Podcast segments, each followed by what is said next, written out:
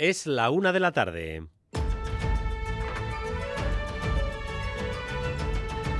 Crónica de Euskadi con Dani Álvarez. Arrachaldeón, la economía vasca exhibe beneficios y cifras de crecimiento rotundas en sectores como la banca y la industria. En la jornada de hoy, bancos y empresas industriales confirman que el dinero se mueve y en algunas sacas cae de forma muy abundante. Cuchabank, por ejemplo, aumenta sus beneficios más de un 50%, ganó más de 500 millones en el año 2023. Rodrigo Manero. Sí, 511 millones exactamente, 180 más que el año anterior. Cuchabank vuelve a batir su récord histórico impulsado por el margen de intereses que casi se ha duplicado al calor de los altos tipos que mantiene el BCE. El principal banco vasco destaca que el 70% de todos sus ingresos revierten en la sociedad a través de impuestos, proveedores, plantilla o el dividendo que entrega a las fundaciones de las antiguas eh, cajas que se llevan la mayor parte de esas ganancias. Este año, BBK, Cucha y Vital recibirán 300 millones que emplearán en su mayoría para obra social. Beneficios récord en la banca, también en el caso del principal banco vasco, como acaban de escuchar, y en algunas empresas industriales. Tomen como ejemplo a Tubacex, una empresa que pasó serias dificultades y que ahora, en 2023, logró unos datos que son los mejores de los últimos 15 años. Además, el traspaso de la competencia de inmigración se va a hacer efectivo el 1 de enero del año que viene. Es la última pactada entre el gobierno vasco y el gobierno de España. Una de las personas clave en esa negociación, Lidia Milivia, viceconsejera, explicaba hoy aquí en Boulevard, en Radio Euskadi, de qué se va a encargar el gobierno vasco a partir de ese día. En esa búsqueda de la inclusión había algunas actuaciones que hasta ahora llevaba el Estado español y nosotros tenemos un montón de transferencias ya desde hace muchos años, ¿no? Y lo que vamos a conseguir de ahora en adelante es una sola cabeza diseñando esos itinerarios plenos de inclusión de estas personas, adquiriendo la parte que hasta ahora ofertaba o proponía el Estado español. Y el director del Guggenheim habla del proceso de ampliación del museo a preguntas de Radio Euskadi. Juan Ignacio Vidarte cree que el ministro de Cultura no conoce el proyecto de Urdaibai y se ofrece a enviarle un informe para que no opine, como hizo ayer según Vidarte, con planteamientos erróneos. Yo la verdad es que desconozco la información de que dispone el ministro de Cultura sobre este proyecto de ampliación y desde luego desde el museo estaríamos encantados de proporcionar toda la información al ministro, al Ministerio de Cultura, que no se ha dirigido a nosotros para nada en relación con este tema. El Guggenheim de Urdaibai, un asunto que ha entrado claramente en la precampaña electoral vasca.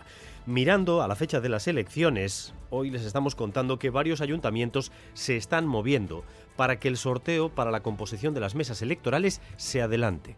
Las fechas que están ahora mismo marcadas implicarían que a la hora de enviar las comunicaciones a los seleccionados nos encontremos en plenas vacaciones de Semana Santa y por tanto muchos no podrían recibir la notificación. Begoña Dorronsoro. Sí, los ayuntamientos deberán celebrar los plenos del sorteo de mesas entre el 23 y el 27 de marzo, por lo que las personas que resulten elegidas deberán recibir la notificación de su designación entre el 24 y el 30 de marzo. Esto supone que las notificaciones se harán llegar en plenas vacaciones de Semana Santa. Desde consistorios como Baracaldo, Guecho y Eibar aseguran estar preocupados y algunos de ellos nos avanzan que van a solicitar a su Junta Electoral el adelanto de la fecha del sorteo de mesas. Además, desde Correos, que es uno de los encargados de hacer llegar esas notificaciones, nos muestran también su preocupación ante la falta de personal que llevan tiempo padeciendo y que se agravará en periodo preelectoral. El auto del juez del caso Coldo implica directamente a Ábalos en la trama. Según la investigación, era intermediario. Pero en las conversaciones detectadas por la Guardia Civil no solo aparecen nombres ligados al PSOE también pretendían establecer contactos con Génova, Madrid y Sarobaza. Eso es, según el auto, el exministro Ábalos hizo de intermediario para paralizar una reclamación que hizo el gobierno balear por unas mascarillas defectuosas que le había suministrado la trama Coldo. Pero como decías, el auto también apunta a que se intentó paralizar esa reclamación a través del PP. Se relata una conversación telefónica en la que Coldo García le dice a Carlos Cueto, uno de los cabecillas de la trama, que ha quedado con el popular Miguel Tellado y Alberto nos añade el apellido del tal Alberto. Los populares niegan cualquier tipo de contacto con Coldo y los socialistas exigen explicaciones.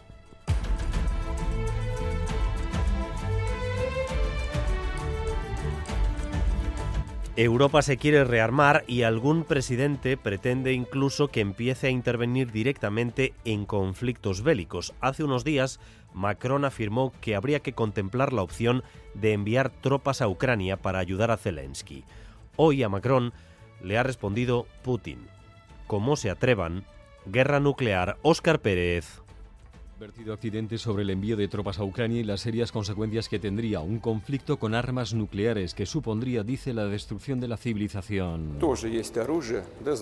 Deben entender que nosotros también tenemos armas que pueden golpear objetivos en su territorio, ha advertido Vladimir Putin. Sobre la situación en Ucrania, el presidente ruso dice que las cosas van bien.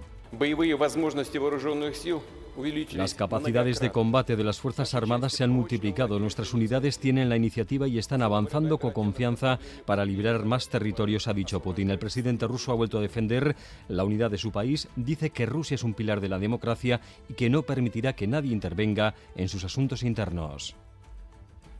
El Guggenheim presenta una nueva exposición de la artista pamplonesa Yune Crespo. Se titula Vascular y la propia artista habla de ella.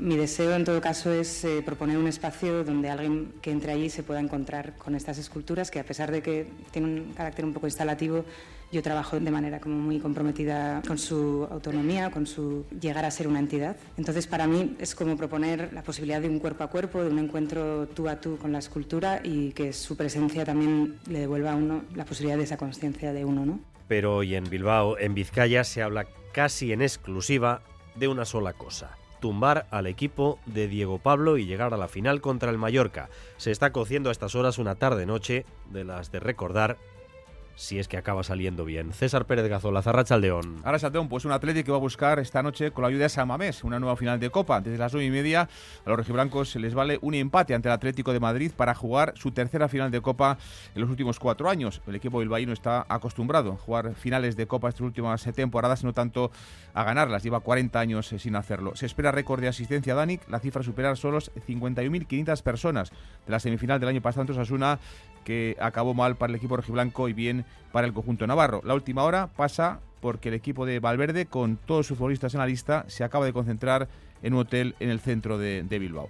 Y baloncesto, noticia en Basconia, porque su pívot Califa Diop se va a perder todo lo que queda de temporada por su lesión en la muñeca izquierda. Ya saben, nueve y media de la noche, en directo, por supuesto, aquí en Radio Euskadi y también a través de ETV1. En cuanto al tráfico, precaución ahora mismo en la Vizcaya 707 en Erandio, sentido Derio, porque dos coches han chocado y un carril permanece cortado. Vizcaya 707, Erandio, sentido Derio, 688-840-840, el número de WhatsApp de Radio Euskadi. En cuanto al tiempo, tras una mañana tranquila, con cielos parcialmente despejados, la lluvia va a regresar esta tarde. Con el cambio del viento, las temperaturas bajarán notablemente y esta noche estaremos en aviso amarillo por nieve.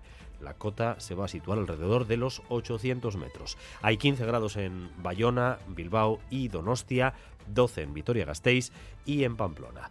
Gracias un día más por elegir Radio Euskadi y Radio Vitoria para informarse. Raúl González y José Ignacio Revuelta se encargan de la dirección técnica, María Cereceda de la coordinación.